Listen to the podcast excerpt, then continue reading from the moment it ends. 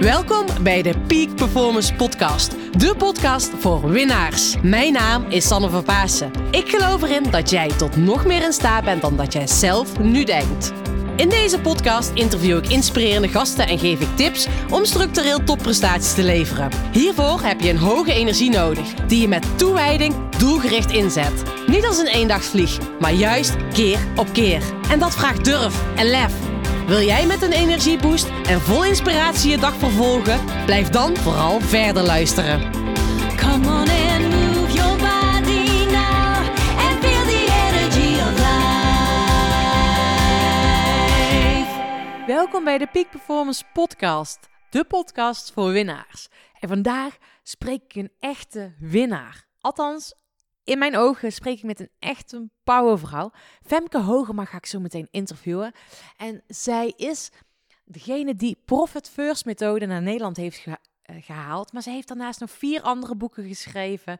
Ehm, nou, ze is echt bestseller-auteur. 40.000 boeken heeft ze verkocht. En daarnaast geeft ze heel veel seminars, trainingen, opleidingen op het gebied van winstgevende plannen.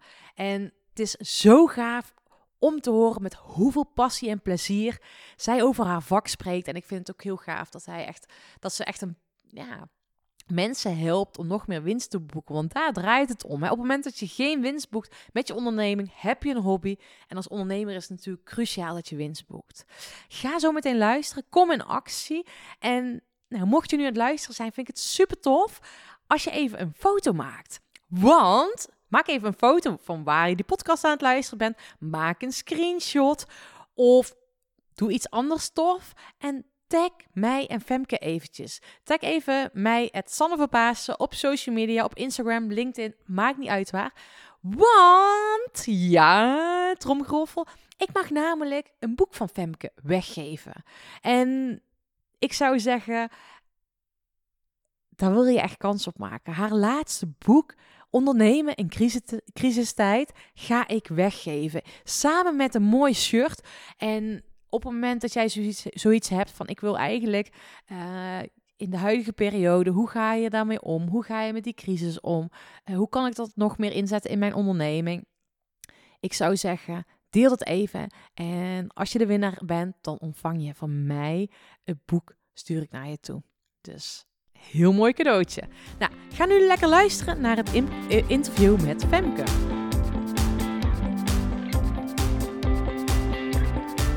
Mooi. Mooi.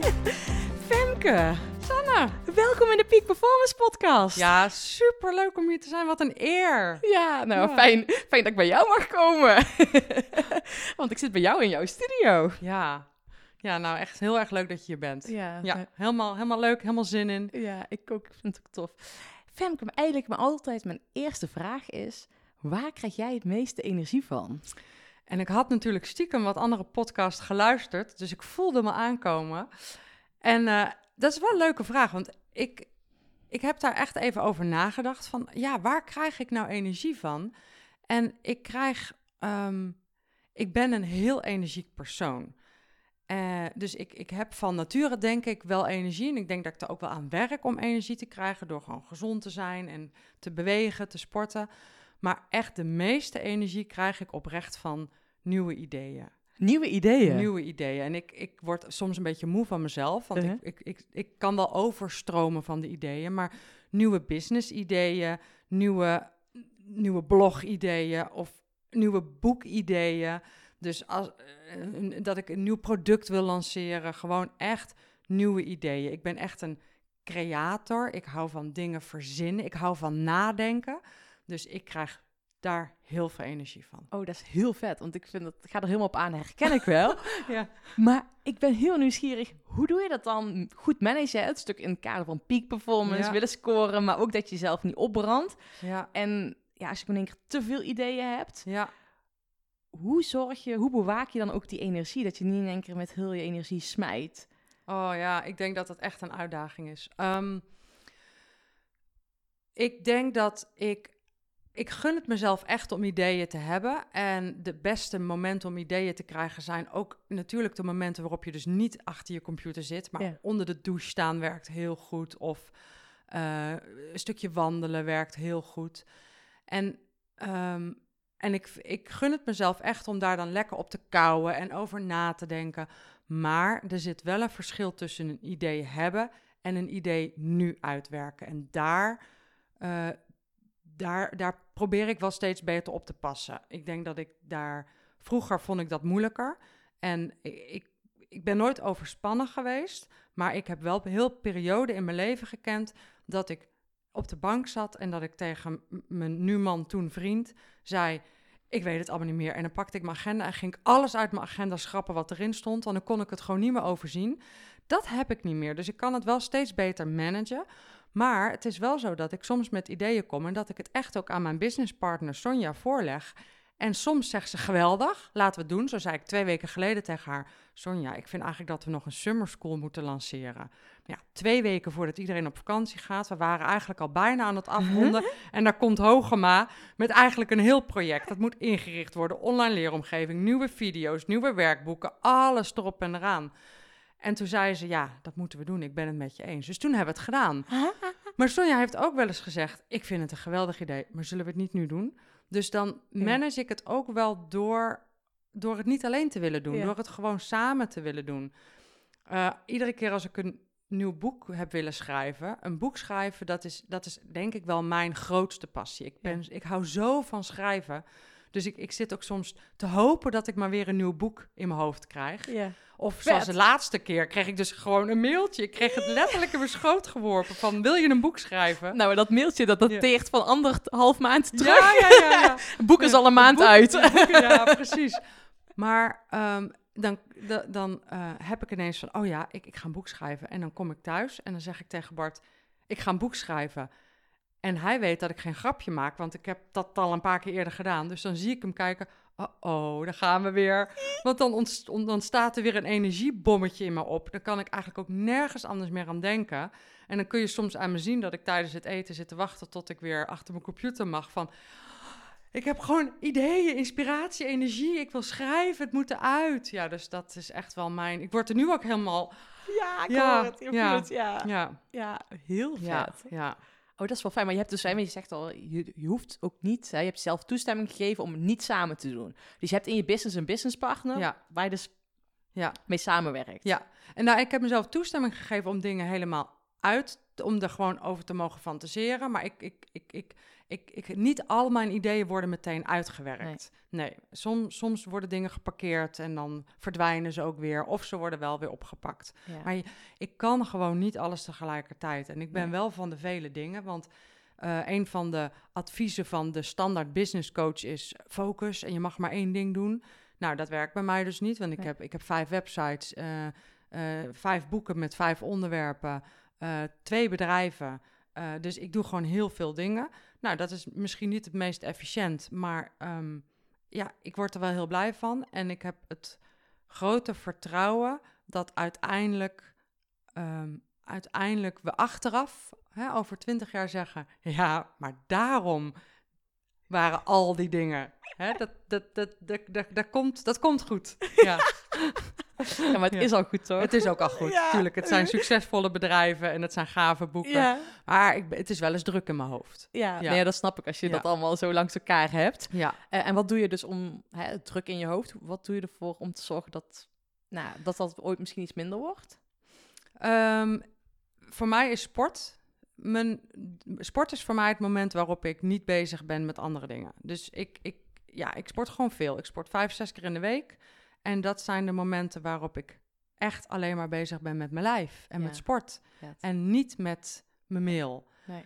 Mediteren ehm, heb ik, denk ik, al mm, 10.000 keer gedaan in mijn leven. Maar dat is nog steeds geen.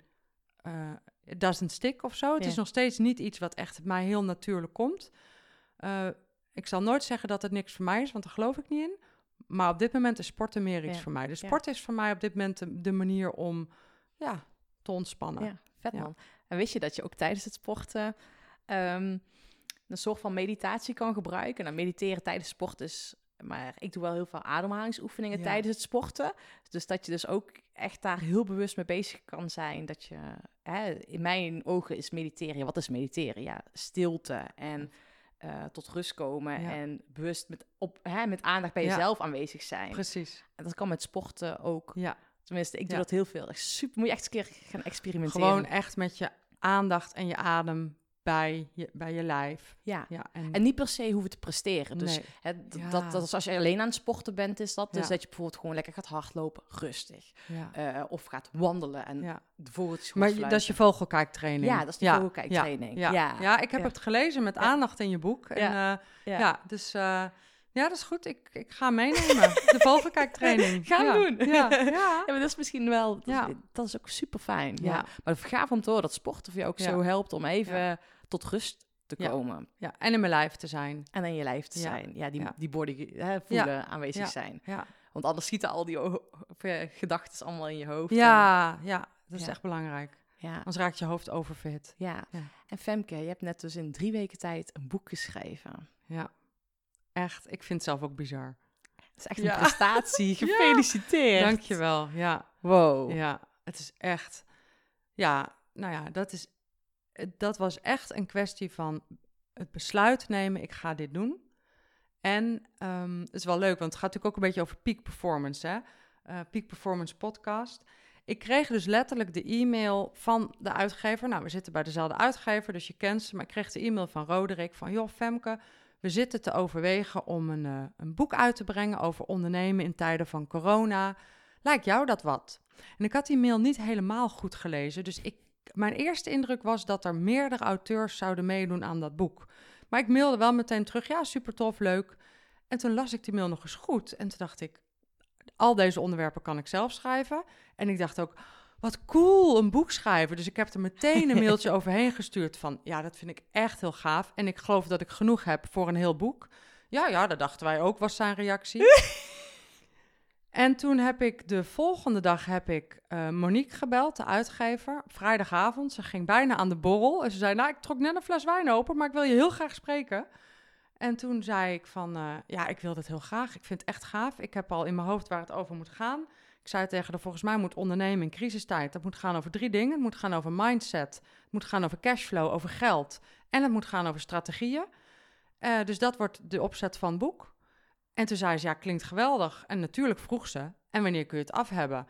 En die vraag had ik natuurlijk al, al zien aankomen. Want een boek over ondernemen in crisistijd... ja, als je daar een jaartje over gaat doen... Ja, dat is Ja. klaar. Ja. Ja. dan hopen we dat de crisis klaar is en dan komt er nog wel weer een keer een crisis. Ja. Maar dan is het hoogtepunt wel een beetje voorbij. Dus ik, ik heb toen gezegd, en hoe ik daarbij kwam, weet ik niet. Maar ik heb toen gezegd drie weken. En, ehm, en dat is best wel een ding, want ik had nog niet meer dan drie woorden. Ik had, nou, vijf woorden. Ondernemen in crisistijd. Nou, zes dan. eh, eh, mindset, cashflow en strategieën. Dat waren de zes woorden die ik had. En toen zei ik drie weken. Meer was er nog niet. En maar ik voelde wel, ik wilde het heel graag. Ik weet dat ik kan schrijven. Ik voelde de, de, de, het belang van dat boek. Ehm, ik had wel net een training gelanceerd over cashflow managen in crisistijd. Hè? Dus dat thema had ik ook. Ik had al een vlog gedaan over mindset managen in crisistijd. Dus ik, ik had al best wel wat gedaan over die onderwerpen. En ik dacht, ja, dat moet er gewoon komen. En, ehm, en dat gave is wel dat ik ben gaan schrijven. En ik had binnen een... ehm, eh, binnen datzelfde weekend had ik de opzet, de inhoudsopgave en, en de achterflap geschreven. En, en een stukje van, de, van een hoofdstuk. En, ehm, en het was wel in die zin lastig dat normaal gesproken neem ik wel iets meer tijd om goed na te denken over de structuur. En dan kou ik daar een paar weken op. En dan ga ik met post-its eh, in de weer om die structuur vast te leggen. Nu had ik al die tijd niet. Dus ik had nog geen volledige structuur, terwijl ik toch ging met schrijven. Begon met schrijven. En dat was best wel lastig, want het makkelijkst schrijf ik als ik gewoon exact weet wat de hoofdstukken en de paragrafen zijn. Dan ga ik gewoon los. En nu had ik dat niet helemaal. En dan zei ik tegen mezelf, en dat was echt een soort mantra: How is the least relevant question? Je moet gewoon 2500 woorden per dag schrijven. Klaar. En dus iedere keer als ik dacht, ja, kut, nou weet ik nu hoe ik verder moet. Dan zei ik, Femke, how is the least relevant question? Dan pak je een ander hoofdstuk, pak je een andere paragraaf, dan bel je iemand op. Maakt niet uit, 2500 woorden schrijven. En zo heb ik het boek geschreven. Heel vet. Ja, Ik moet wel lachen, want jij hebt gezegd, eh, die structuur, dan schrijf ik het best. Ja. Ik vond, vond het verschrikkelijk, die structuur. Oh ja. Ik zei, hoe kan ik die structuur nu op? Ik wist wat de hoofdstukken wel, ja. maar zei ze tegen mij ook, je moet al die paragrafen weten. Ik zo, hoe weet ik dat? Ik weet wat ik wil schrijven, maar ik weet niet precies welke volgorde. Dan moet ik eerst toch schrijven en dan zie ik toch beter hoe het past. Ja. ik, dat vind ik wel Ja. grappig, dat je dat helemaal uit een andere flow Ja, kan nou ja, en het is bij mij wel zo dat ik dan de, de, de structuur geef me de handvatten. Ja, Maar uiteindelijk is het wel, kan het nog wel anders worden. Bijvoorbeeld mijn, mijn boek eh, De Winstadviseur. Dat heb ik geschreven en toen was het af. En toen zijn bijna alle hoofdstukken van plek veranderd. oh ja? Ja, dus toen, dus toen was de, de in- indeling klopte gewoon niet. Maar Ja. de, het gaf me wel de structuur om te Ja. kunnen schrijven. Dus ja, Ja, maar plus iedereen werkt ook anders. Hè? En ik denk dat dat ook heel belangrijk is. Er is niet één manier om een boek te schrijven. Nee. Dus als je nu denkt, als de luisteraar nu denkt, oh, ik moet dus eerst een. Dat geloof ik dan ook weer niet. Nee. Ik denk oprecht, nee hoor, je moet zelf ontdekken wat jouw structuur Ja. is. Ja. Ja, maar dat is denk ik, tenminste in mijn ogen, in heel je leven met wat je ook doet. Van wat werkt voor jou? Ja. Wat werkt voor jou het Ja. beste? Ja. Ehm, en dat is ook wel de reden van deze podcast. Ik wil mensen inspireren hoe je nog meer je eigen koers, je eigen stempel kan Ja. drukken op wat je doet. Maar wat wel, waar er zitten wel rode draden in. Want ik heb natuurlijk jouw boek gelezen. En ehm, want ik moest me ook een beetje voorbereiden op dit gesprek met jou. Maar er zitten zoveel dingen in die ik ook toepas in mijn leven, maar ook in het schrijven van boeken. Want een van die dingen die je zegt is: je hebt een doel, hè? je wil een fietswedstrijd winnen. Ja. En vervolgens ga je de processtappen ga je benoemen. Wat moet Ja. ik daarvoor doen? Nou, dan moet ik, weet ik veel, een uur per dag voor fietsen of vijf uur per dag. Dat weet ik niet. Ik ben geen, geen wedstrijdfietser. Ja. En, ehm, maar zo is het ook met het boek. Ik heb een einddoel, er moet een boek liggen Ja. over drie weken. Wat zijn de processtappen? Nou ja, onder andere woorden produceren, gewoon typen. In mijn geval ook mensen interviewen, interviews uitwerken. En dan is het ook weer het loslaten van het einddoel en het gewoon uitvoeren van die processtappen. Ja. En dat is dus eigenlijk wel een, een soort van ja, winnende eh, strategie die werkt bij fietsen, die werkt bij schrijven en die ook werkt in, in je bedrijf en in je privéleven. Op een gegeven moment moet je gewoon de processtappen Ja. gaan zetten. Ga Wat gewoon doen. Zijn. Ja. Ga het gewoon doen. Ja, want dat is inderdaad natuurlijk ook wel eh, met het stukje waar jij met het bedrijf ook mee helpt. Hè, een stukje winst, cashflow management. Ga het ook maar eens gewoon doen. Ja. Want ik had vanochtend nog een ondernemer eh, die ik begeleid. En ja, druk, vol. eh, wat ligt nu op de stapel? Ja, mijn facturen. ja. Ja, ik zei, en jij wil een winstgevend bedrijf. Ja. Eh, waarom ga je die facturen niet gewoon even sturen? En ik denk, ja. Ja. dat is ook gewoon plannen, tijd voor maken, inzicht in krijgen. Ehm, of, want is dat ook een stukje, zie je dat ook heel veel voorbij komen? Want dat zie ik dus heel veel mensen die soort van, ze willen een bedrijf om winst te maken, want zonder winst geen bedrijf, want dan heb je een hobby. Ja. Eh, maar dat ze toch vooruit schuiven. Maar dat, dat, dat doen we allemaal. En ik, en ik doe dat ook. Ik bedoel, ik ben echt niet heilig. En ik, ik zie mijzelf ook redelijk vaak met, mijn- met mijn muis weer naar dat Facebook-icoontje Ja. surfen. Van zal ik nog eens even kijken of er nog wat leuks op Facebook te doen is. Maar dat is puur uitstelgedrag. Ja. En het helpt voor mij wel om te gaan snappen waar dat uitstelgedrag vandaan komt. Want het is eigenlijk, kijk, de dingen die je leuk vindt en die je goed kunt, die hoef je niet uit te stellen. Nee. Dus je gaat dingen uitstellen omdat je ze moeilijk vindt, omdat je niet weet waar je moet beginnen. eh, omdat je, eh, nou dat zijn denk ik twee hele belangrijke dingen. Ze zijn moeilijk of je weet niet waar, waar je moet beginnen. En dan ga je dus uitstellen. En op het moment dat je jezelf daarop kunt betrappen, dan is het een kwestie van zelfmanagement. En tegen jezelf zeggen, how is the least relevant question? Ik ga nu gewoon beginnen. Dus ik sluit nu Facebook en ik open het bestand wat ik nodig heb. En als je een factuur moet versturen, dan open je je boekhoudprogramma. En dan heb je die eerste stap gezet. En ja, en ik denk dat dat bijna in alles geldt. Als je geen zin hebt om hard te lopen, dan hoef je ook niet te gaan hardlopen. Je moet gewoon je schoenen aantrekken, de deur uitgaan. En ik moet altijd heel hard lachen. Dan zeggen ondernemers, want ik zeg ook heel vaak tegen klanten: je moet gewoon iedere dag een potentiële klant bellen. Dus eh, weet je mensen om te bellen? Vraag ik dan. Ja, ik weet wel mensen om te bellen. Geweldig. Kun je aan hun telefoonnummers komen? Ja, kan ik wel aankomen. Geweldig. Kun je ze dan bellen? Ja, maar ik zeg, oh, wacht, even één stap terug. Heb je een telefoon? Ja. Kun je een nummer intoetsen? Ja. Ik zeg, klaar. Meer hoef je niet te doen. Pak je telefoon, toets 10 cijfertjes in, dan gaat hij over. En als er opgenomen wordt, ja, dan zie je wel weer.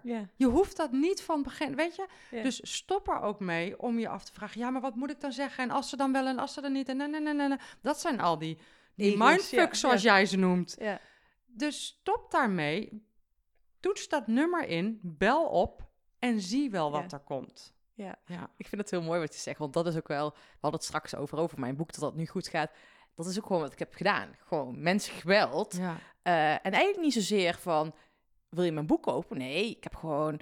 eh, bijvoorbeeld hè, een bedrijf waar ik heel veel voor heb gedaan, gewoon even gebeld. En ja, hoe is het met jou? En hun gingen vertellen, hoe is het bij jou? Ja, je boek, oh spannend, komt eraan. Oh ja, doe dan mij maar 50. Ja. Hè? Ja, maar dat was niet mijn intentie. Ik wilde gewoon met ze verbinden. Ik wilde Ja. niet verkopen, ik wilde gewoon verbinden. Gewoon even weten hoe het met hun was. Maar dat is zo belangrijk wat je nu zegt. Want het enige wat buitenstaanders zien is... Oh, Sanne, haar boek staat op één. En ik ga even invullen. Maar een aantal mensen denken nu... Ja, maar dat is lekker makkelijk, want ze is topsporter en iedereen kent haar. En nou, ik weet uit ervaring... Het is niet makkelijk om een boek op één te krijgen. En ironisch genoeg stond mijn boek op vijf... toen jouw boek op zes stond of andersom. en dacht ik, oh-oh... En eh, jouw boek staat op één en mijn boek is tot drie gekomen en toen weer teruggezakt. Dus ik weet hoe moeilijk het is Ja. om een boek op één te krijgen. Het gaat niet vanzelf. Maar het interessante is, het ging ook niet vanzelf. Nee. Het is niet zo dat jij een boek schreef en toen lekker in je luie stoel ging zitten wachten tot het op één kwam. Zo, zo werkt het niet. Daar moet je iets voor doen. Dus Ja. jij ging ook mensen bellen. En natuurlijk wel met een insteek van, ik wil gewoon verbinden. Maar dat is wel de enige manier om succes te creëren, is Ja. door een actie te komen. Ja, en dat Dus- is het. En dat ehm, vind ik ook wel heel mooi. En daar ben ik ook wel nieuwsgierig hoe jij dat ervaren hebt. Je zei net al, een stukje team mensen om je heen hebben, dat dat belangrijk is. ehm, die ook daarin supporten. Ehm, en een stukje, want hoe, heb je dat, hoe doe je dat? Je zegt, ik ben creatief. Jij komt vaak met die wilde ideeën. Ehm, jij bent thuisgekomen bij jouw partner. Eh, ik ga een boek schrijven in drie weken. Ja. Wat doe jij met die momenten dat er, hè, ja, zal, wel, zal in de tussentijd wel een supportteam van Ja. toejuichers om je, hebben, om je heen hebben gecreëerd. Maar dat zal niet altijd zo zijn geweest. Dat mensen bij ieder wild idee dat jij hebt, dat, ze allemaal stonden te juichen. Kom maar, Femke! Nee, inderdaad. Nou, ik moet je wel zeggen, ehm, ik vind wel op de een of andere manier, Bart en ik hebben natuurlijk best wel zo onze discussies over werk en Ja. hoeveel ik werk en wanneer ik werk. En Ja. daar, tuurlijk hebben we daar discussies over. We hebben twee kinderen, die Ja. zijn zeven en acht. Eh, we hebben een huishouden, hij heeft ook een baan.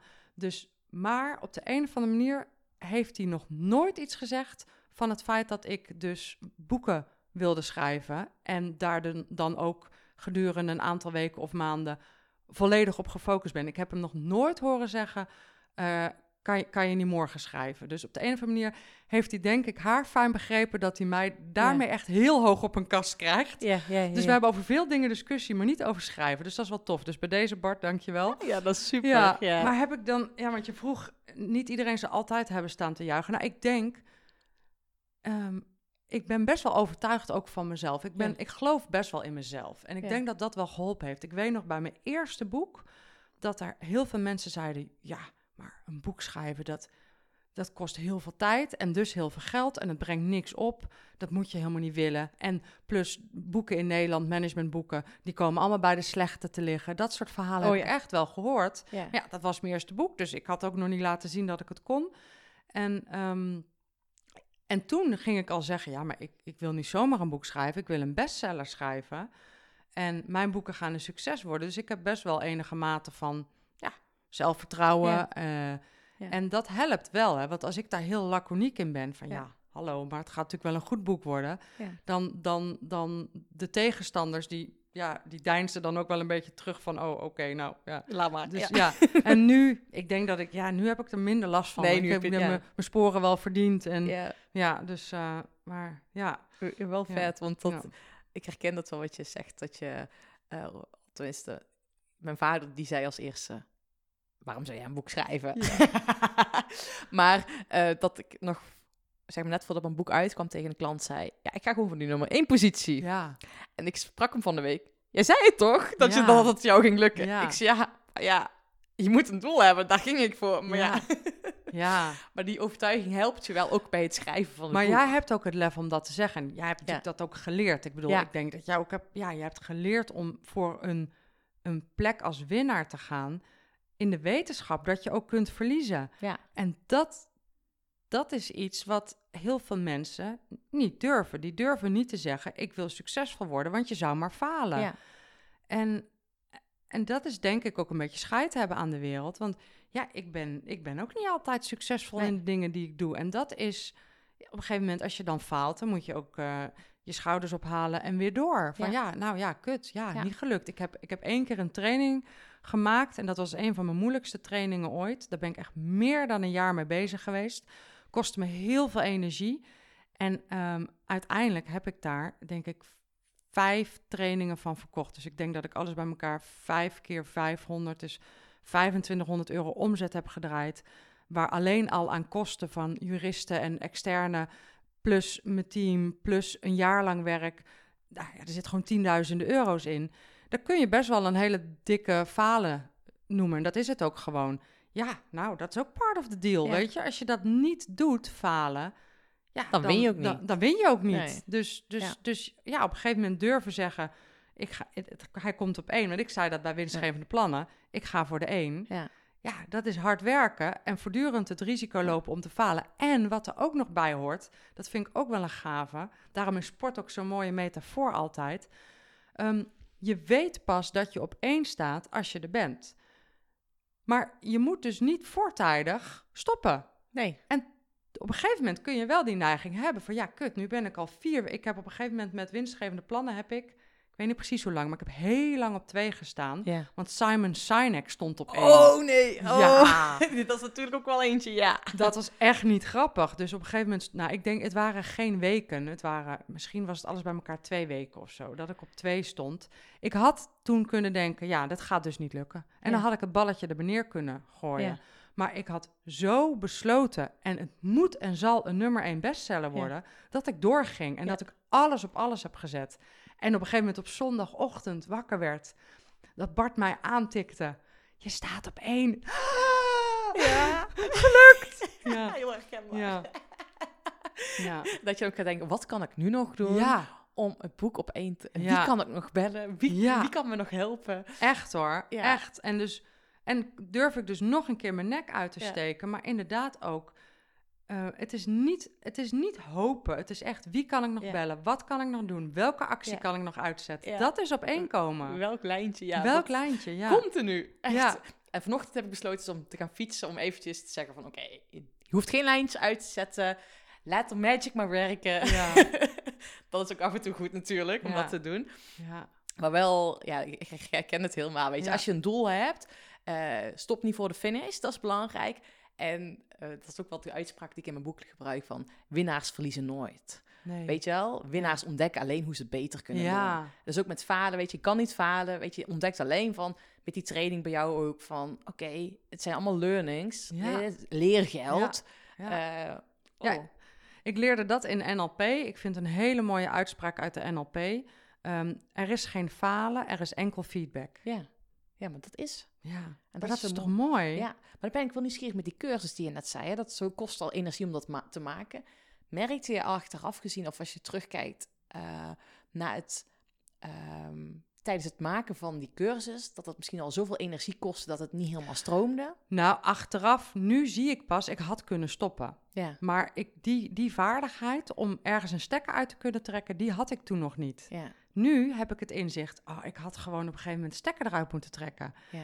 En, ehm, en wat me er toen van weer hield, is ja, maar ik heb het beloofd dat hij zou komen. Dus dan heb ik zo'n groot verantwoordelijkheidsgevoel naar anderen, dat ik over het hoofd zie dat ik ook naar mezelf een verantwoordelijkheidsgevoel heb.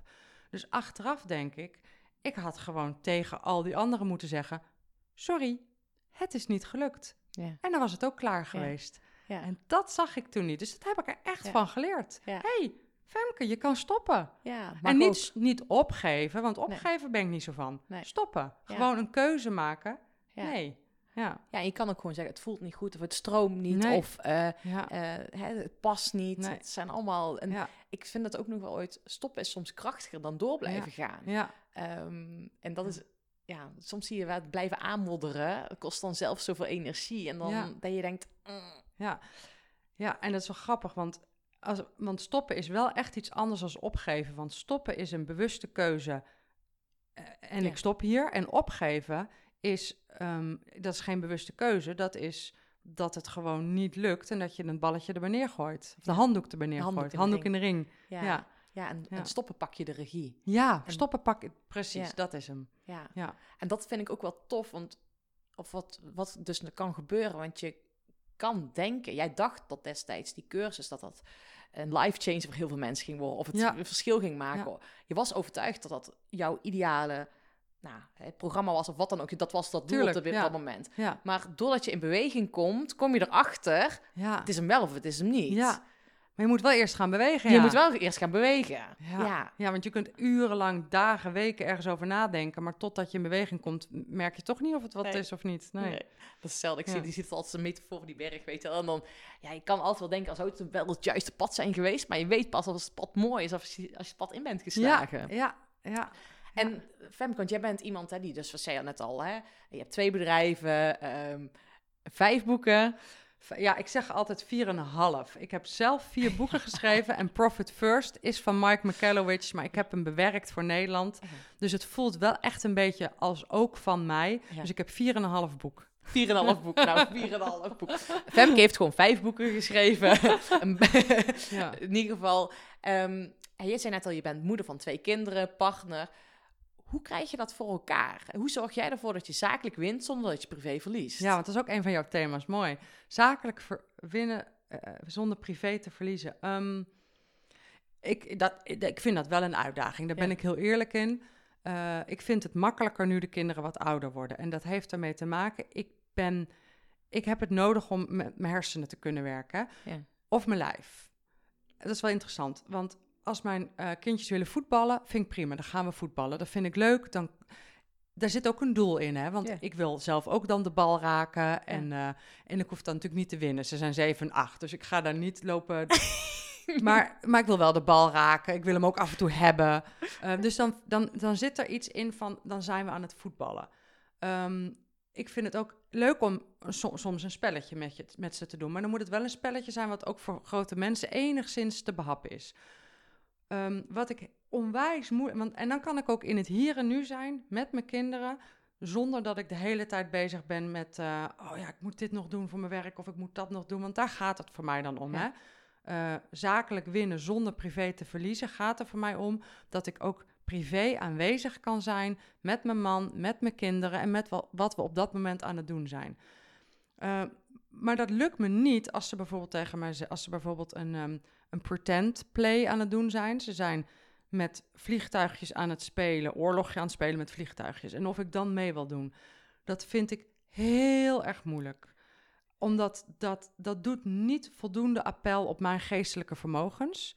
Of op in ieder geval een ander deel van mijn geestelijke vermogens. En dan kom ik heel snel in mijn irritatiezone en denk oh god, ik heb hier echt geen zin in. Kunnen we, mag ik alsjeblieft iets anders doen? Eh dat geldt ook voor bepaalde varianten van verstoppertje spelen, dat ik denk, ah. En soms denk ik, moet ik dan niet gewoon zeggen, ik heb hier geen zin in? En soms denk ik, ja, en ik, ze willen dit zo graag met me doen dat ik het ze wel gun, maar dan vind ik het heel moeilijk. Dus ik, voor mij werkt het nu, nu ze ouder worden, wordt het voor mij makkelijker. Dan wordt het spelen wordt meer op mijn niveau, het, het, het buitenspelen wordt meer op mijn niveau.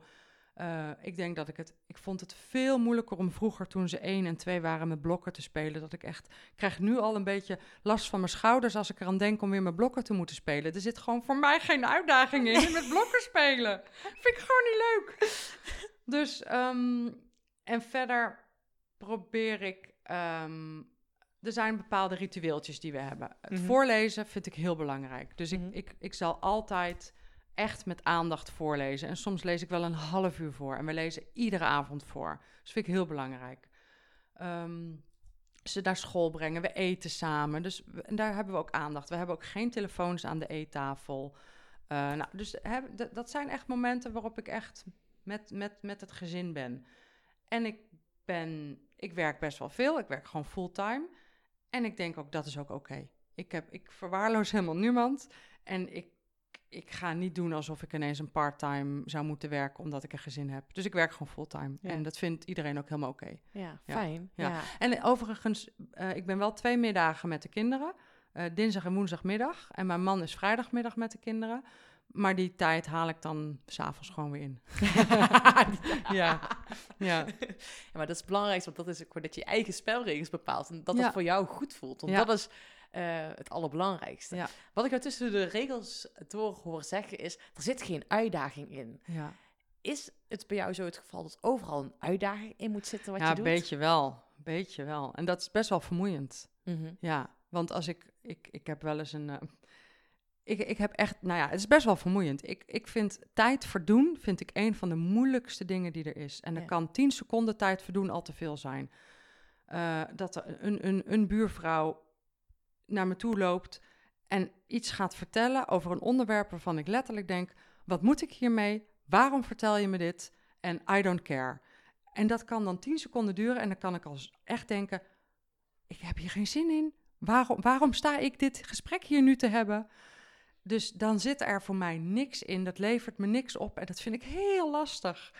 Ja, en eh, nu, dat, is, dat is wel vermoeiend, want daar, daar ben ik ook wel alert op. Dus ik, ik probeer ook wel eens te, doen, Femke, hoe zou het zijn... eh, Sinds kort, als ik buiten met de tuinslang de plantjes water geef...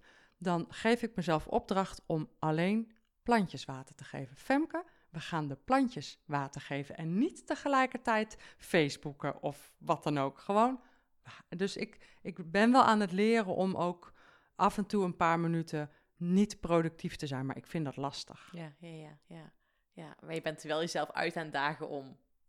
Nou ja, ik geloof wel dat ik leer van anderen Ja. hoe belangrijk het voor je hersenen is om uit te rusten. Ja, Het lastige is wel dat mijn hersenen kennelijk heel veel aankunnen. ja. Want ik, me- ik, ik, ik voel nog niet genoeg de pijn van het niet uitrusten. Dus ze, ze, ze zeggen wel, Mark Tichelaar met het boek Focus, die zegt... Je hersenen moeten uitrusten. En denk ik, ja, ik lees het hier, je vertelt het me... maar ik kan prima maanden door zonder dat mijn hersenen uitrusten. Ja, ja, ja, En dan ben ik ook wel effectief en productief. Dus dat is het lastige. Ik voel de pijn nog niet genoeg. Nee, nee, nee. En je merkt ook niet fysieke klachten af en toe dat je merkt of dat je minder scherp bent of dat je minder productief bent. En als ik dat merk, dan, dan doe ik er wel wat aan. Hè? Ja. Want j- jij kwam hier binnen en je zei: hé, hey, er staan gewichten hier. Ja. Er staan hier twee kleine kettlebells. Ja. Als ik echt, eh, als ik niet meer kan nadenken of ik word heel fuzzy in mijn hoofd, of ik loop een rondje om, eh, om, eh, om, om het blok. Of ik eh, doe even tien eh, presses met een kettlebell, omdat ik daarmee echt even mijn spieren weer aan het werk zet en Ja. dan ook weer uit mijn hoofd kom. Ja, dus je bent daar heel bewust mee bezig Ja. om dat toch, toch te doen. En, want dat is natuurlijk wel belangrijk dat je dat herkent. Ja, Want op het moment dat je maar door blijft gaan, dan gaat het natuurlijk dan gaat het een keer mis. En Ja. ik denk dat ik, dat ik het op tijd herken. Ja. Ja, ja. Niet voor niks dat ik Superwoman net opschreef op jouw kaartje. ja. Oh, dankjewel. Alsjeblieft, ja, want ik was dus het kaartje aan het schrijven. Ik vind je wel echt een powervrouw, weet je. En, eh, maar ik ken je natuurlijk ja, eh, van online en eh, van de boeken, maar verder eigenlijk dus niet. Maar ik vind het dan wel bijzonder dat ik dat dus dan opschrijf. Van, ja, dat je gewoon zoveel energie ook echt hebt. Ik heb echt veel energie. Ja, Ja. ik denk tot vermoeiend toe wel soms van, van mijn omgeving. Ik herken daar niks van. Dat is bij mij nooit Jij geval. komt ook als een redelijk energiebommetje binnen. Heel, zeg mijn omgeving nou nooit. Ja. Maar ik merk ondertussen wel dat het voor mij ook wel af en toe wel gewoon heel goed is om even, weet je, gistermiddag ben ik gewoon lekker op de bank gaan liggen. En ik gewoon merkte van, ik wil eigenlijk nog gaan sporten, ik wil van alles. Ik denk, nee, volgens mij is het heel goed. Ja. ja. Sta je dat jezelf ook af en toe toe? Ehm, nee, eigenlijk heel weinig. Ik, ik hou heel erg van documentaires kijken op Netflix. Dus Oh ja? dat vind ik ontspannend. Ja. Ehm, ik lees ook wel graag boeken. Ehm, maar dan moet het wel een goed boek zijn, maar dan kan ik me er echt wel in verliezen. Eh, en ik lees ook wel graag managementboeken, maar ja, dat vind ik dan weer niet ontspanning. Dat is dan eigenlijk weer gewoon werk. Kraken, hersenkraken, ja. ja. Eh, maar dat ik in, in de zon ga liggen met mijn ogen dicht op een stretchertje. Zonnebaden, nee, dat zul je mij niet snel zien doen. Nee, Nee, dat trek ik nee. niet. Ik trek dat ook niet hoor.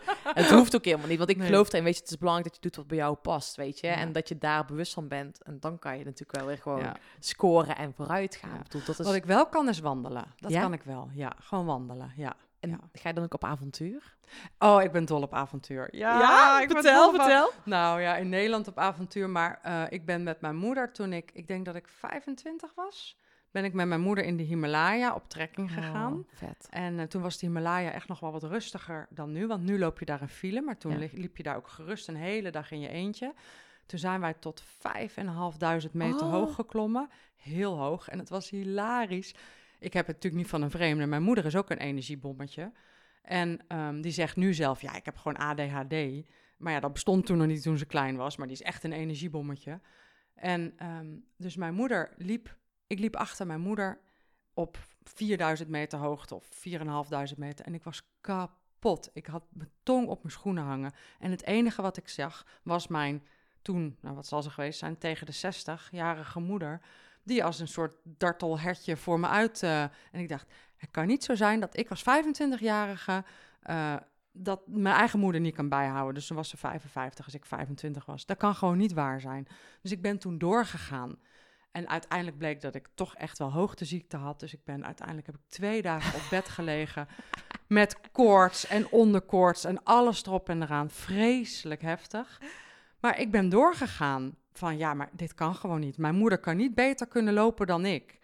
En ehm, dus dat, dat, dat doorzettingsvermogen, eh, eh, dat heb ik niet van een vreemde. Maar je had het over avontuur. Dus ja, de Himalaya was een groot avontuur. Ik vond het geweldig. Tien dagen met een rugzak van hut naar hut. Ook niet weten waar je s'avonds slaapt.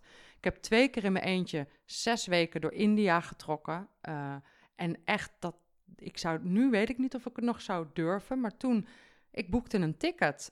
That's it. Ik had geen, geen plek voor mijn eerste nacht. Dus dan ga naar India. Nu denk ik, wow, als vrouw alleen naar India vliegen. Niet wetend waar je de eerste nacht gaat slapen. Best wel cool. Maar dat vond ik, ik vond het geweldig. En daar was ook het avontuur. Zes weken India. Ik had geen plan. Ik ging gewoon en ik zag wel. En het enige wat je op zo'n dag nodig had, was je moest eten en je moest slapen. Dat was je doel voor de dag. Ik vond het geweldig. En dan openstaan voor de ontmoetingen en de mensen en de, de kansen, maar ook de, de eenzaamheid soms. Geweldig. En soms wel de spanning van, kut, die bus gaat niet. Weet je, dat soort dingen. Of eh, dat ik op een busstation was en dat ik wist waar ik heen wilde, maar er stonden er honderd bussen met alleen maar vreemde tekens erop. Oh ja. En dan dus aan een willekeurige voorbijganger in Indiër vragen: ik moet naar puntje, puntje. En dan, ik, wat ik dus letterlijk mee heb gemaakt, is hij pakte me bij mijn arm, sleurde me over zo'n stoffig veld met honderd bussen, duwde me een bus in, schreeuwde in het Indiaas naar de buschauffeur waar ik heen moest. De deuren gingen dicht en de bus vertrok. Dat is best wel spannend. En dan vier uur later stopt de bus in the middle of nowhere. De buschauffeur wijst naar mij, schreeuwt mij de bus uit. Er loopt een wildvreemde man met me mee, duwt me een andere bus in, schreeuwt wat tegen de buschauffeur. En daar ging ik weer. En weer twee uur later zei de buschauffeur, Miss, you're here. En dan stapte ik uit en dan was ik er. nou, dat is toch geweldig? Dat is avontuur. Ja, dat is natuurlijk wel geweldig dat je zo... eh, Ja. Doe je dat nog steeds? Nee, eigenlijk niet. Nee. Nee, dat soort avonturen niet. Nee, ik, zou, ik, ik vind dat wel heel tof. Ehm, en, eh, maar dit, dit soort avonturen heb ik al lang niet meer gedaan. Ik zal niet zeggen dat ik het nooit meer doe. Nee. Er komt waarschijnlijk wel weer een moment dat de kinderen 18 zijn. Ja. En dat ik tegen de man zeg... Liefie, ik heb een ticket geboekt. Ik ben over tien dagen weer terug. Ik denk dat het nog wel weer een keer gaat gebeuren. Maar ik, wil dat... Dit soort dingen wil ik eigenlijk wel eigenlijk doen als de kinderen ietsjes ouder zijn. Ja, of met ze samen. Of met, nou, Ja. dat ook wel. Ik, Ja. ik, wil, ik zou heel graag met ze bijvoorbeeld op huttentocht willen in eh, Noorwegen bijvoorbeeld. En dat, dat lijkt me heel vet. Ja. Eh, we gaan nu wel in het najaar met oma eh, twee of drie dagen op huttentocht in, waarschijnlijk in de Eifel, iets Oh, minder ver van huis. Nou, daar kom ik net van terug. Echt waar? Ja, ik ben ehm, eigenlijk een avontuur op de fiets gedaan met de rugzak op. En dan zeg maar niet weten waar je slaapt. Wel een route, zeg Ja. maar. En dan s'avonds rond een uur of drie, vier, weet je, gingen we een beetje kijken. En we hebben heel veel jeugdherbergen geslapen in Duitsland. Nou, echt, echt aanraden. Bizar goed dat die zijn. Oh, wat goed. Echt. Wat goed om te weten. Ja, echt super waanzinnig mooi, Ja. weet je. Dat ze gewoon, nou ook in de Eifel, super mooi was dat. Ja, tof. Want wat trekt jou dan aan het avontuur? Nou ja, het onbekende. Dus ik vind echt, ik wil eigenlijk niet eens de route weten. Dus wij rijden heel vaak op de mountainbike, op de GPS. Ons laatste avontuur was, ehm, ja, vorige week maandag stonden wij, gingen wij vertrekken en stonden we zeg maar na 20 minuten. Ik zei, volgens mij gaat dit niet werken, want die lijn is kaarsrecht. Die weggetjes die zijn niet zo recht. Dus we hadden de route er niet goed op staan. En dan zie je, we waren met z'n drieën en je ziet de rest in paniek schieten. En ik ben gewoon, ja, dat gaan we even regelen. Ja, Weet je, maakt niet uit. Dus ik regel, komt goed, ja. ik regel ter plekke, zeg maar, met mijn telefoon connectie met die Garmin. Ga ik dat regelen. En dat komt ook goed. En wat mij daaraan trekt, is gewoon het onbekende. Dat je gewoon echt, ook wel slecht weer, gewoon in, in de natuur bent. eh, de connectie met jezelf. Gewoon, het Ja. komt altijd goed. Het komt altijd goed. ja. Het is zo. Ik denk dat dat het ook is. Hè. Avontuur is ook zo back to basic, omdat je dus niet. Er is geen controle meer. Nee. En als je dat echt durft los te laten, die controle, ja, dat is zo fijn. Ja. ja. ja. Ja, ik Dus je denk- hebt me wel weer, nu, nu je dit zegt, van ga je nog wel eens op avontuur, denk ik, goh, daar zeg je eens wat. Ja. Ja. Gewoon lekker doen. En ik ben in Nederland ook gewoon het Pieterpad aan het wandelen. Als je wandelen houdt, weet je eh, nou, super mooi. Ja. Gewoon, ja. en ja, ga dat doen. Ja, Femke. ga dat doen. Ja. Nou, en de kindjes zijn ook wel bijna op een leeftijd dat ze ook mee kunnen op Ja. avontuur. Dat is natuurlijk ook heel tof. Ja, ja, super vet. Ja. Ja. Ja, Ja. En zie je dat ook, het stukje, want eh, hè, als je naar het gaat kijken naar die avontuur eh, in, in India bijvoorbeeld, als je dat gaat vergelijken met je business, zie je dat ook als een avontuur? Ja, wel. En dat is heel leuk dat je dat vraagt. Want ik ben ook wel van, het, van de plannen. Mijn boek heet Winstgevende Plannen. Dus ik geloof in het maken van plannen. En dat is niet het hele antwoord. Want je kunt niet alles plannen. En er is ook nog zoiets als het leven... wat een andere afslag maakt dan wat in jouw papieren plan staat. Dus ik geloof onwijs in avontuur in, in mijn bedrijf. Ik weet, ook, ik weet ook niet waar het heen gaat... Ehm, en ik vind en ik geloof ook heel erg dat ehm, het maar gewoon op weg zijn. Iedere dag opnieuw weer stappen zetten Ja. en afslagen nemen. En soms is het een verkeerde afslag en soms is het een goede afslag. Maar ook durven om iets aan te grijpen wat er langskomt. Hè? Dat je bijvoorbeeld op avontuur bent in de natuur. En dat je denkt, oh weet je, we zouden naar links, maar zullen we toch naar rechts? En dat je dat dan gewoon doet. En, maar dat heb ik ook in mijn business. We Ja. zouden dit, maar eigenlijk wil ik dit. Zullen we dat dan doen? En Ja. dan doen we dat. En het grappige is dat dat voor mij prima, prima naast een plan kan bestaan. Ja. Want als ik helemaal geen plan heb, ja, dan zit ik dus letterlijk de hele dag achter mijn computer te wachten tot iemand mij een mailtje stuurt waarin een vraag staat, zodat ik antwoord kan geven, waar ik hopelijk nog eens een keertje geld mee verdien. Dat is ook geen business. Dus een business is voor mij wel degelijk dat ik van tevoren nadenk over, hey, binnen alles wat ik niet weet, waar wil ik dit jaar ongeveer heen? Waar ga ik dit jaar blij van worden? Ja. En dan verzin ik dingen en dan ga ik ook in de uitvoering. Dus dan ga ik ook op weg. Ja. En dat dan ergens halverwege die route ineens het eindpunt verandert. Prima, niks aan de hand. Maar ik zet wel een route uit. Anders dan ga ik letterlijk alleen maar zitten wachten tot iemand anders iets van me wil. Nee. Ja, daar wordt niemand blij van. Nee, je pakt echt de regie en antwoorden vind je in beweging, komen vette dingen op je pad. Ja, En dat zorgt voor die vibe, weet je. Dat je dan Dat- uiteindelijk ook Ja. een keertje een andere afslag kan nemen, omdat je daar zin in hebt of de kans voordoet. letterlijk, dat boek Ondernemen in crisistijd is natuurlijk een avontuur. Want als iemand aan mij vraagt, Femke, stond er in jouw eigen winstgevende plan van dit jaar dat je een boek ging schrijven? Nee, natuurlijk stond dat er nu niet in. Sterker nog, niemand wist dat het crisis zou worden. Dus Ja. dat hele winstgevende plan. Nee. En daar gaat het dus ook niet om. Ja. Maar wel dankzij mijn winstgevende plan kon ik wel, heb ik wel zoveel soort van piketpaaltjes staan, dat ik dus ook de ruimte kon vinden en nemen om ineens een andere afslag te Ja. nemen. Want een boek schrijven betekent dat ik eh, gedurende die drie weken plus de promotie, dus gedurende anderhalve maand, eigenlijk geen nieuwe producten heb kunnen lanceren. Dat kost dus eigenlijk tienduizenden euro's. En dat kan alleen maar als je via andere wegen zorgt dat dat geld wel doorstroomt. Anders kan het gewoon niet. nee. Ja, en Ja. dat is wel heel mooi. En ehm, volgens mij is dat ook gewoon onderdeel, die flexibele mindset van eh, waar je boek over gaat, dat je in eh, ondernemen in crisistijd, Ja. dat je juist vermogen moet hebben om te kan, kunnen Ja. anticiperen op de situatie. Ja, en inderdaad durven los te laten van je besluiten, durven te zien, oh ja, dit werkt dus niet meer, dus we moeten wat anders. Dat, dat is ondernemerschap. En ik vind het ook heel pijnlijk, want we hebben natuurlijk best een hele pittige tijd nu. Zeker voor ondernemers in bepaalde branches. Die Ja. zeggen, ja, maar ik kan nu echt niks meer. Want we mogen nog steeds geen festivals. Dus wat moet ik met mijn, mijn, mijn, mijn, mijn podiumconstructiebedrijf... of met mijn food truck of weet ik veel wat je voor events... En dan denk ik, ja, dat is echt heel heftig. En ondernemerschap vraagt van je dat je dus achterover gaat zitten en dat je dus na gaat denken, wat dan wel? Ja. En je kunt wel, ik, ik, ja, dat staat letterlijk in ondernemen in crisistijd. Al die ondernemers die ik heb geïnterviewd, die baalden als een stekker. 24 uur. En na 24 uur zeiden ze, zo, nou ben ik klaar met balen en nu ga ik Ja. kijken naar wat ik wel kan gaan doen. Ja. En dat is ondernemerschap. Ja. Niet blijven balen. Tuurlijk, je mag even flink balen. Je mag Ja. huilen, mag allemaal. En dan moet je op een gegeven Ja. moment wel weer de knop kunnen omzetten. En door. En door. En kansen zien. Want dat is, ik vind ik ook wel een voor, mooi voorbeeld van mijn eh, boekpresentatie. Daar de geluidsman van. Eh, die is nu helemaal vol boekt, zeg maar, met eh livestreamen van Ja. begrafenissen. Oh ja. Hij zegt, ja, super waardevol. Hij zegt, Sanne, ik ga denk ik nooit meer iets anders doen. Ik ga niet meer helemaal de festivalwereld in. Want dit is waardevol werk. Ja. Je, je mensen zijn voldaan. Je hebt echt een band. En ik hoef niet meer iedere avond weg. Nee. Ja, En hij ziet helemaal een business opportunity die hij Ja, anders nooit had dat- gezien. precies. En denk ik, ja. En hij, hij zegt, weet je wel, ik had met hem een hele mooie discussie. Dat hij, ja, er zijn ook mensen die achteroverleunen en maar op de steun van de overheid rekenen. En Ja. dat maar doen. Hij zegt, ik vind dat wel pijnlijk om te zien, zegt hij.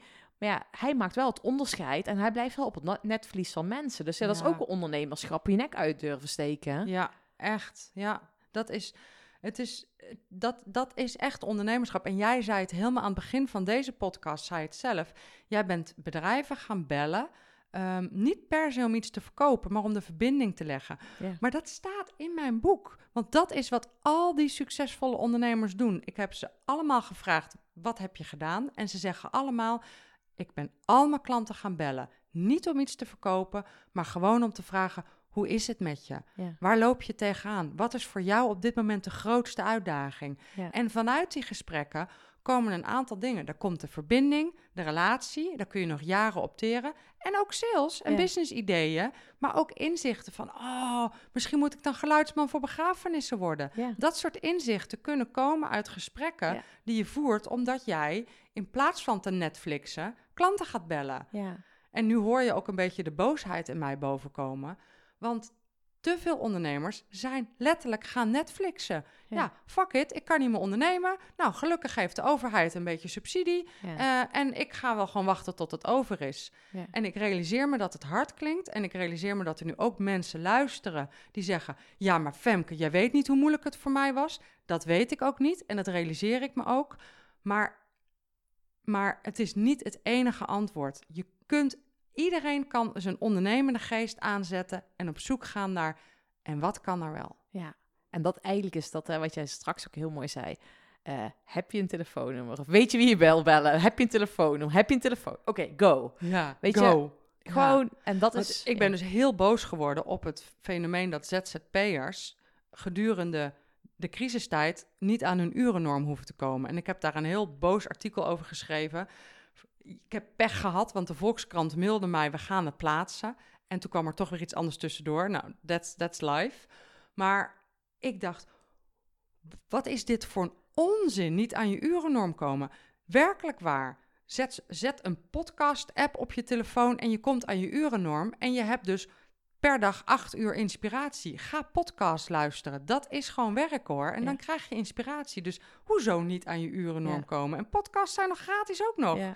Lees een boek, luister een podcast, wandel een uur door het bos en je hebt je acht uur op de dag er weer op zitten. Ja, ja maar ik, dat is sowieso. Ik ben ook best. Ik vond het zo bizar hoe snel alles geregeld was. Hè? Eh, de crisis werd ingezet. Die uren, hè, als je niet, niet eh, zeg maar in de risicodoelgroepje kon, volgens mij stond binnen een weekje geld op je rekening. Ja, denk ik, ja, hallo, weet je, laat mensen gewoon even creatief zijn. Ik Ja. werd ook bijna boos, omdat ik denk, je bent niet voor niks ondernemer geworden. ja, Of je nou ZZP'er is of wat, maakt niet uit. Weet je, jij behoort dan te dealen met het risico wat bij het ondernemerschap hoort. precies. Weet precies, je, ik vind dat anders moet je gewoon maar weer voor een baas gaan werken. Precies. En echt heel... Nou, ik was toen ook echt heel giftig. Dat ik dacht, ja, wat is dit? Ik, ik hoor niet bij hen die dat aanvragen, Nee. weet je. Pak die regie en Ja. ga... eh, Ja. En ik snap inderdaad voor de branches, die festivals, snap ik En helemaal. kappers, weet je, natuurlijk. En wat dacht je van artiesten? Ja, Natuurlijk. En ik denk dat het voor die mensen heel goed is dat er subsidie is gekomen. Ja. Hè? Want horeca. horeca, en dat is echt heel goed, want anders waar, was iedereen failliet gegaan. En nu zijn we ondertussen alweer april, mei, juni, juli, vier maanden verder. Dus nu hebben we vier maanden kunnen schakelen. Ik vind persoonlijk dat, dat, dat je die vier maanden, dan moet er op een gegeven moment weer een nieuwe richting zijn ontstaan. En als die richting is in loondienst, dan is dat de richting. Maar op een gegeven moment moet er een nieuwe richting ontstaan. Ja. Want ja, niemand kan in de toekomst kijken. Maar de kans zit erin dat we hier volgende week nog niet vanaf zijn. Nee, nee, en dat hij misschien nog de bal terugkomt of wat En dan wie, ook. Wie, wie was dat? Eh, nu, nu komt maar het gebrek aan geograaf, of, eh, het, het gebrek aan historische kennis. Maar wie, wie zei dat? Einstein of iemand? Oh, oh, dit is echt heel erg. En nu ga, ga ik heel erg uitgelachen worden. Maar wie zei nou? eh, Dar- Darwin. Darwin zei het. Pew, ik uh, the bell. De, het, het, het zijn niet de, de slimste mensen die overleven. Het zijn de mensen who, eh, those are, who are most adaptable to Ja, change. maar dat is het. Dat- was dat Darwin? Ik weet het niet. Oh, ja, weet Ja. ik niet. Nou ja, whatever. Die, die Ja, slimme iemand, die zei dus... het zijn Ja. niet de, de, de, de slimste mensen die overleven. Het zijn diegenen die het beste kunnen aanpassen aan veranderende omstandigheden. En dat is het wel, hè. Ja. Hoe kan je daarmee omgaan? Ja. En stel je voor Femke, hè, van als ze, als ze nu ondernemers zijn die zitten luisteren en die eigenlijk vet zijn getroffen of die denken van oeh, en Femke is degene van de winstgevende plannen. Ja. Wat is het allereerste advies Ja. wat je dan aan ondernemers zou Nou, ik, ik, geven? zeg, al- ik, ik denk, eh, één advies hebben we al gehad. Ga gewoon echt al je klanten bellen. Ehm, en dus nogmaals, niet met de intentie om te verkopen, maar gewoon om te vragen hoe het met ze gaat, Ja. waar ze tegenaan lopen. Want het interessante is, als je dat gaat doen, dan kom je tot ontdekking wat op dit moment de problemen zijn van jouw klanten. En als jij weet wat de problemen zijn van jouw klanten, kun je op zoek gaan naar manieren om die problemen op te lossen. Want zodra jij een manier hebt om een probleem op te lossen, dan kun je waarde toevoegen en heb je een bedrijf. Dus ga mensen bellen, ga mensen spreken. Op het schoolplein zijn ook ondernemers. Spreek ze aan. Waar loop jij nu tegenaan in je business? En als je dat bij 100 ondernemers doet, dan heb je echt wel ideeën welke problemen er op dit moment leven bij jouw klant die jij zou kunnen oplossen. Eh, die jij zou kunnen oplossen eh, met je huidige business of misschien met een andere business, maar waar jij wel de vaardigheden, de kennis en de kwaliteiten in hebt. Eh, en dat, dat is ondernemerschap. Ga op zoek naar problemen die jij met jouw kennis, vaardigheden, skills kunt gaan oplossen. That's it. That's it. Ja, ga gewoon waarde toevoegen. Ga gewoon waarde toevoegen. En dat zei Tony Robbins. Dat vind ik ook een mooie uitspraak. De meest succesvolle ondernemer is degene die de meeste waarde gaat toevoegen. Ja, Ja. ja dat, daar gaat het eigenlijk Daar om. gaat het om. Want Ja. dat is. Let, kijk, zelfs de Belastingdienst die teert mee op dit concept. Want BTW staat voor belasting toegevoegde waarde. ja. Dus je moet belasting betalen als je waarde toevoegt. Ja. Nice, prima. Nou, hè, dat is ook goed. Maar daar gaat het om. Het gaat dus, dus de winst die je maakt is jouw toegevoegde waarde. Ja. Dat, dat is toegevoegde waarde. Winst is alleen de toegevoegde waarde in geld. Dus that's it. Ja, Ga waarde toevoegen. En iedereen kan waarde toevoegen. ja, dat is ook zo. Iedereen kan waarde toevoegen. En dat is ook, denk wat bij mij nu meteen ook komt, voor je eigen waarde gaan staan. ja. En ook gewoon durven inzien dat je die waarde hebt. Want dat is ook het stukje, denk degene die dus de telefoon niet oppakken, die zien zelf ook niet die toegevoegde waarde Ja. in. Ja, maar er zit nog iets onder. Ik denk dat degene die de telefoon gaat oppakken, als eerste de angst heeft: als ik nu ga bellen, heb ik dan wel waarde toe te voegen? En dat kan je ook loslaten, want in dat gesprek hoef jij geen antwoorden te geven. Ga vragen stellen. Ja. Want überhaupt de, de omslag maken van het gevoel dat je als ondernemer altijd antwoorden moet geven naar het inzicht dat het begint met het stellen van vragen. Dat is volgens mij al een hele belangrijke. Het enige wat je hoeft te doen is een vraag stellen, luisteren naar het antwoord en nog een vraag stellen. Luisteren naar het antwoord en nog een vraag stellen. Dat is eigenlijk de opdracht die we dan nu Ja. in deze podcast geven. Ja. En je hoeft niet op dat moment een antwoord te geven. Sterker nog, je zult het zelf weten van het verjaardagsfeestje of het gesprek met je partner. Dat je thuis komt. Ik heb dat ook met Bart. Sorry Bart, ben je weer. Maar ik heb dat ook dat ik thuis kom en dat ik ga klagen over iets wat ik heb meegemaakt. Bart, de man zijnde, komt dan met de oplossing. En dat ik zeg, ik wil geen oplossing. Ik wil een vraag.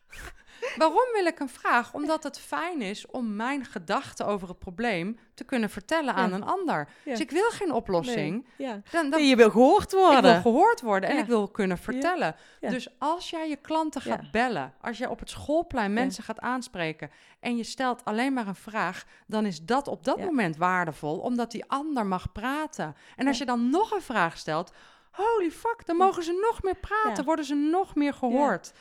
En dat jij dan ideeën krijgt rondom een business idee, wat zich misschien in jou begint te vormen, dat is dan jouw winst. Ja. Maar dus iedereen heeft winst in zo'n gesprek. En Ik je hoeft niks op te lossen. Nee, ik vind het wel vet. En ik, hij, je zegt al eigenlijk, je hoeft eigenlijk niet waarde te geven, maar... eh, Maar je geeft hem. ja, ja, maar je geeft hem wel. Want Ja. dat is, want je, je hoeft geen waarde ge- te geven, je, je stelt alleen vragen. Maar juist die aandacht, want dat is het punt, mensen. Luister goed, we, je levert al toegevoegde waarde door alleen al die aandacht te geven en te luisteren. Want vaak willen wij een antwoord voor een ander invullen. Maar mensen zijn gewoon ook op zoek naar die aandacht. Die vinden het gewoon leuk om gehoord te worden. Precies, precies. En dat is op dat moment de, de waarde die je toevoegt. En als je dan op een goede manier al die informatie mee naar huis neemt en consolideert uit al die gesprekken die je voert, want met één gesprek ben je er niet, ja, dan ontstaan daar de nieuwe business ideeën. Ja, En de gouden eieren. de gouden eieren. Want dat is nog eentje. En dan hebben we alle belangrijke mensen wel weer zo ongeveer benoemd. Eh, want nog een hele mooie uitspraak is. ehm, even kijken, hoe gaat die precies? Ehm, eh, hij gaat over crisis. Hij staat ook in mijn boek, maar er is nu ook een boek wat ook zo heet. Even denken. Ik ben hem heel even kwijt, maar. ehm, Welke bladzijde? nou ja, we gaan het niet doen. Nee, maar het komt er in ieder geval op neer dat ehm, een crisis is het moment waarop, eh, waarop, waarop juist ook de winnaars ontstaan. Ja, ja. Eh, de, de grootste kansen om, nou ja, misschien wel om rijk te worden, ja. die zijn er nu. Ja. Dit, dit is het moment waarop de miljonairs van over tien jaar ontstaan, vandaag. ja. Eh, dus voor mij hoef je geen miljonair te worden, maar op zijn minst toch wel gewoon je eigen inkomen kunnen verdienen. Ja, nou ja, minimaal, weet Ja. je. Eh, en dat je toekomst eh, goed, eh, Precies, de goede gewoon- basis neerzet. Ja, dat je gewoon kunt zorgen voor brood op de plank. ja. ja. Maar dat is het ook. En, en grijp die kans van vandaag. En dat is wat je natuurlijk wil zeggen. In de huidige tijd word je ook gechallenged om extra creatief te zijn. Waardoor dus die mooie ideeën tot stand Ja. komen. En dat is ook het stukje wat ik altijd zeg. Kom uit die comfortzone. En juist waar jij zelf een beetje die wrijving voelt. Ga die wrijving aan. Ja, En of dat in een telefoongesprek is of wat dan ook. Maar kom in beweging. Ga Ja. dat gewoon doen. ja, ja. En Femke, er even nieuwsgierig naar. Jij zei net al, hè, jij bent wel eh, iemand die vaak iets eh, nuttig of doelgericht bezig mag zijn. Ik ik heb je meteen te hunkeren. Waar, waar ben je nu op dit moment mee bezig? Wat ligt er? eh, wat zijn je plannen? Ja, nou, eh, oh jee. oh Nou, ja, heb je even, Ja? Sanne? Nou, wij gaan, wij gaan allereerst we gaan op vakantie. Hey. Dus, ja, en ik neem geen werk mee op vakantie. Eh, mijn e-mail gaat van mijn telefoon af. Dat heb ik een paar jaar geleden geleerd. En dat doe ik echt heel braaf. Cool. Eh, dat doe ik ergens op weg naar het vakantieadres in de auto. Komt er een moment waarop ik zeg... en nu is mijn e-mail van mijn telefoon. En dan komt hij er ook niet meer op. Eh, op een gegeven moment, ergens eh, een paar dagen later, gaat ook Facebook van mijn telefoon. Want dat is echt puur alleen maar afleiding. Ja. Dus, dat, dus ik neem geen werk meer op vakantie. Ehm, wat zijn mijn plannen nu? Ehm, nou, we zijn sowieso in mijn bedrijf Profit First Professionals zijn we bezig met een enorme professionaliseringsslag, waarbij er eigenlijk in september een volledig nieuwe online leeromgeving moet staan. Dat vind ik niet het makkelijkste, want dat is eigenlijk het draaiende houden van een winkel. En Ja. dat is dus niet iets Geen nieuws. Ja. Maar dat ga ik wel doen. Hè? Ja. Dus ik ben, wat dat betreft ben ik ook braaf. Ik doe dat wel, want dat is echt wel belangrijk. Dat is de basis. Dat is de basis. Ehm, we, hebben, we hebben na de zomer hebben we twee grote events, twee tweedaagse events. Daar gaat echt energie in zitten. Daar heb ik heel veel zin in. We op een podium staan. Ik ben ook wel een Oh. podiumdier. Dus daar gaan we twee events doen. Dus daar gaat ook gewoon energie heen. Ik heb wel in mijn hoofd een, eigenlijk gewoon twee trainingen waarvan ik denk, ja, nou wel meer. Ik heb wel vier trainingen in mijn hoofd, groot en klein, waarvan ik denk, ja, die ga ik echt wel maken en ontwikkelen en lanceren, want die kunnen super succesvol worden. Ik heb zelfs een certificering in mijn hoofd. Nou, daar ga ik nu nog niet veel over vertellen, maar ik, en ik, ik, ik heb ook internationale ambities. Eh, dus Oh, een internationale certificering. Ik heb een nieuwe internationale business partner. Dus we hebben echt weer... Ik heb superveel dingen waar ik mee bezig ben. En er zit al, denk ik, zeven jaar ook een roman in mijn hoofd. Oh, serieus? Ik heb één keer een week lang me teruggetrokken om hem te schrijven. En toen geconcludeerd, nee, dit is hem niet. Ehm, het is eh, gebaseerd op mijn, mijn leven. eh, dus in die zin waar gebeurt. Ehm, en grappig genoeg, durf het bijna niet te zeggen... maar is het de afgelopen week weer gaan kriebelen. dus het wordt een avontuur tijdens het avonturenroman schrijven. Ja, een roman of misschien gewoon toch een biografie. Een biografie. Ja. Oh ja. Ja, Ja, ja, vet man. Ja, Heel dus, mooie Ja, dus ik hoef me nog niet te vervelen. Ja, maar dat was ik niet bang voor. Oh ja, ik- en, en, en, eh, en ik wilde, maar dat gaat eh, nu niet door. Ik wilde in september voor het eerst mijn 1 achtste triathlon Oh! doen. Ja, ja, ik werd net afgeleid, want daar zag ik foto's van dat je ook ergens iets staat te doen. Of dat is, eh dat zijn gewoon vakantiefoto's. Maar Ja, dit, is in, dit is in Amerika, die foto's. Ja. Ja.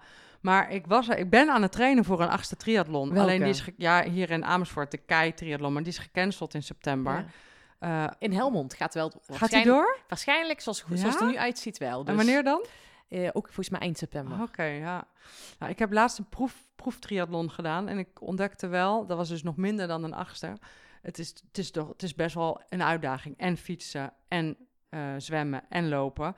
Vooral aangezien ik qua fiets echt nog een, een echte beginner ben. Ik durfde twee weken geleden nog niet eens een slokje uit mijn bidon te drinken zonder af te stappen. Oh, nou. Dus ik ben echt een beginner. Ik had, ik had mijn fiets mee moeten nemen, hoor ik.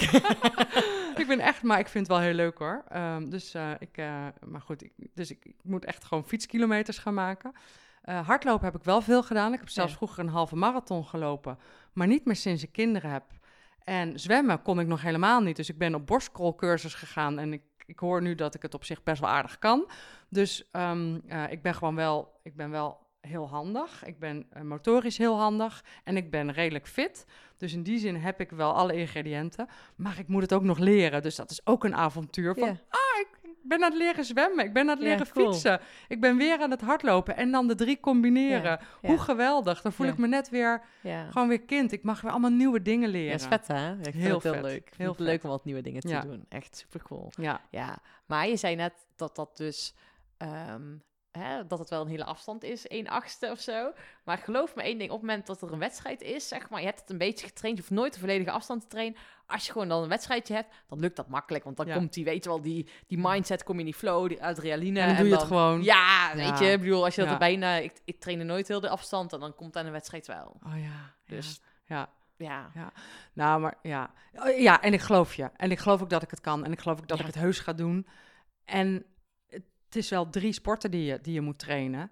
Eh, en ik, mijn trainer, ik heb een personal trainer, die had een schema voor me Ja. gemaakt. En ik keek daarna en ik dacht, eh, ja, maar ik heb ook twee kinderen, een man en twee bedrijven. Dus ik weet niet of dit helemaal een haalbaar schema is.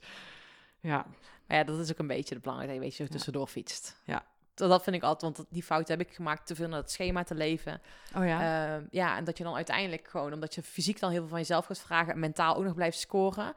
ehm, nou ja, dat is geen goe- goede combinatie is. Dus het is wel belangrijk dat je daar een beetje in schippert, niet te streng bent. Nee, en voor mij is, is, het, is het wel echt natuurlijk gewoon Ja. omdat ik hem, omdat ik het leuk vind. Challenge, omdat ik hem uit wil. Lopen, fietsen, zwemmen. Eh, ik hoef echt niet eerste te worden. Nee, ja, daarom, Nee. nee, daarom Dus- is het dus- belangrijk dat je dat... eh, Dus ja. uiteindelijk ga ik het ook gewoon doen. ja, zo ja, is dat. Zo simpel is. Gewoon beginnen. Ja, ja. Ik heb eh, voor, een marathon gerend, 42 kilometer met eh 14 kilometer trainen. Oh. En Wauw. Ja, en toen heb ik eigenlijk tegen mezelf ook gezegd van, weet je, het is gewoon blijven lopen. Ja. Net wat jij zegt, weet Ja. je wel, het is gewoon die eerste, het begin, begin gewoon. Ja. En dat is met die triathlon ook. Gewoon die 500 meter zwemmen, is gewoon door Ja. blijven zwemmen. ja, nou grappig genoeg, dat, ik heb al twee keer 600 meter gezwommen, dus Ja. dat, dat red ik wel. Ja, weet je, Ja, aan de 20 fiets kilometer fietsen. Wie, ieder, ieder, iedere Hollander kan 20 kilometer ja, daarom. fietsen. En dan, en dan 5 kilometer rennen is gewoon blijven gewoon bewegen. blijven bewegen. Dus Ja. tuurlijk, ik kan het ook. Ik zou hem ook wel uitlopen nu. Ja, daarom. Dus, Daarom. eh, ik snap niet waarom je geen 1 vierde gaat doen. Nou, Helmond dus. Oké, ik zal hem eens even opzoeken. Ja, is goed, is goed, is goed. Ik snap het niet waarom je geen vierde gaat doen, Ja, zegt ze maar dat is, dat is de volgende. Eerst een achtste, dan een vierde. Ik wil- Ja. Duurde even. Ja, duurde even, ja. ja. Nee, maar dan, dan verder. Maar het is mooie, mooie plannen. Ja, Ja. super tof, Femke. Volgens mij kunnen we nog uren verder blijven kletsen. Maar voor de luisteraar nu, hè, dat is wel het belangrijkste. Pak die telefoon op, ga het gewoon doen. Die beweging, hè, dat is hetzelfde wat we net over hadden met die triathlon. Die beweging, hou dat momentum vast. Gewoon doen. en Zet Netflix uit en Ja. pak de telefoon op. ja, Daar begint het. daar begint Ga het. mensen bellen. Ja. Altijd mensen bellen. In verbinding, in verbinding staan Ja. met anderen. Ja. Ja. Ja. Thanks, man. Ja, jij ook. Ik vond het hartstikke leuk. Super, Ja, super. Ja, superleuk Ja. dat ik hier mag zijn. Dankjewel. Jij ook. Graag gedaan. Oh, en we Oh. vergeten bijna iets. oh. Want wij zitten natuurlijk bij dezelfde uitgeverij. Ja. En ze zeiden, joh, jullie mogen een boek weggeven Oh, van leuk. Femke. leuk. Dus wat ik jullie wil vragen, als je nou zit te luisteren, maak even een screenshot. Tag mij en tag Femke, Femke eventjes. En dan gaan wij een boek verloten. Dus dat is Leuk. tof. Superleuk. Ja, doen we. Belangrijkste, Ja, mooiste. signeer ik hem even. Signeer Ja. ja. tof. En welk Ja. boek gaat het dan worden? Ehm, nou, ik denk in dit geval ondernemen in crisistijd, Ja, toch? tuurlijk, Daar hebben we ja. het het meeste over gehad. Ja. Ja. dus die gaan we... Ja, Ja. bijzonder hè. Ze gaat Ja. gewoon kiezen tussen welke boeken. Heel Ja. vet. Nou, we kunnen hem nog wel stoerder maken. We kunnen er een t-shirt bij doen. Een ik heb hier ondernemen in crisistijd t-shirts. Oh, vet. Hele vette t-shirts. Dus eh, nu maken we, maken we het nog interessanter. Oh, helemaal. Dus eh printscreen, eh, tag, share, win een boek en een t-shirt. Nou, helemaal cool, jongens. En dan ga jij dus dan vervolgens, als je wint, een mooie sportfoto maken in een t-shirt. Nou, ik zie het helemaal voor me. Cool, helemaal cool. Hey, dankjewel voor het luisteren en thanks Femke. Thanks voor het luisteren van deze podcast aflevering. Dankjewel daarvoor. En weet, antwoorden vind je in beweging. Dus neem nu één ding waarmee je dus in beweging gaat komen. Dat is waarmee je het verschil maakt. En besef, winnaars verliezen nooit. Winnaars ontdekken alleen hoe ze het beter kunnen doen. Dus ik wil echt dat je dus dingen in beweging gaat komen. En dat is belangrijk. En, oh ja, twee dingetjes. Zou je mij willen helpen? Maak nog even een screenshot. Tag mij, deel dit op social media. Dus dan help jij mij weer om deze podcast te laten groeien naar 100.000 luisteraars. Want het is mijn, echt mijn passie en missie om echt duizenden mensen, honderdduizenden mensen, hè, dat kan ik beter zeggen, te inspireren met deze podcast. En daar kan jij mij bij helpen. Dus het zou echt fijn zijn als je even een shout-out doet. En iets anders, race even naar managementboek.nl en bestel daar mijn boek Het leven, dat is pas topsport. Is een boek waarmee je echt letterlijk en figuurlijk in beweging gaat komen. Dat helpt je als jij op een kruispunt staat in jouw leven. Als je voelt dat je ergens in mag veranderen of dat je op die handrem staat. Ik help je daarvan af te komen. Of als je zelfs merkt van joh, mijn lichaam is niet meer zoals 20 jaar geleden. Of 20 jaar geleden, dan ben je wel heel oud. Eh, sorry, eh, pardon. Oh, als je niet meer dat lichaam hebt toen als je 20 was. Als je merkt van oké, ik zou me graag wat energieker willen voelen. Het mag weer meer stromen. Nou, ga mijn boek even kopen. Race naar de managementboek.nl. En ik zou het zo tof vinden als je het boek Het leven, dat is pas topsport bestelt. Thanks alvast. Hele fijne dag. En tot de volgende keer. Doei doei. Bedankt voor het luisteren van deze podcastaflevering. Ik vind het zo gaaf dat je tot het einde bent gebleven. Nou, daar wil ik je natuurlijk ook voor bedanken. Ik wil nog twee dingetjes meegeven. Ga naar mijn website toe. Daar heb ik een toffe weggever staan waarbij ik je help vol energie je doelen te realiseren. Moeiteloos, recht op de finish af en ik help je zakelijk winnen zonder privé te verliezen. Nou, ik zou zeggen, ga eventjes eh, naar mijn website en daar vind je deze gratis download. En ik help je dus echt mee om recht op de finish af te gaan. En daarnaast wil ik je vragen, want het is mijn missie om nog meer mensen, om duizenden mensen te inspireren met deze podcastshow. Dus maak even een screenshot, deel het op social media, tag mij. Ja, en ik vind het dan ook weer leuk om jouw verhalen weer te delen. Dus deel mijn inzicht, of jouw inzichten van deze podcast en dan zie ik deze ook weer voorbij komen. Dankjewel, een hele fijne middag, avond of ochtend toegewenst. En vergeet één ding niet, kom in actie, want daarmee ga je het verschil maken. Doei doei! Come on and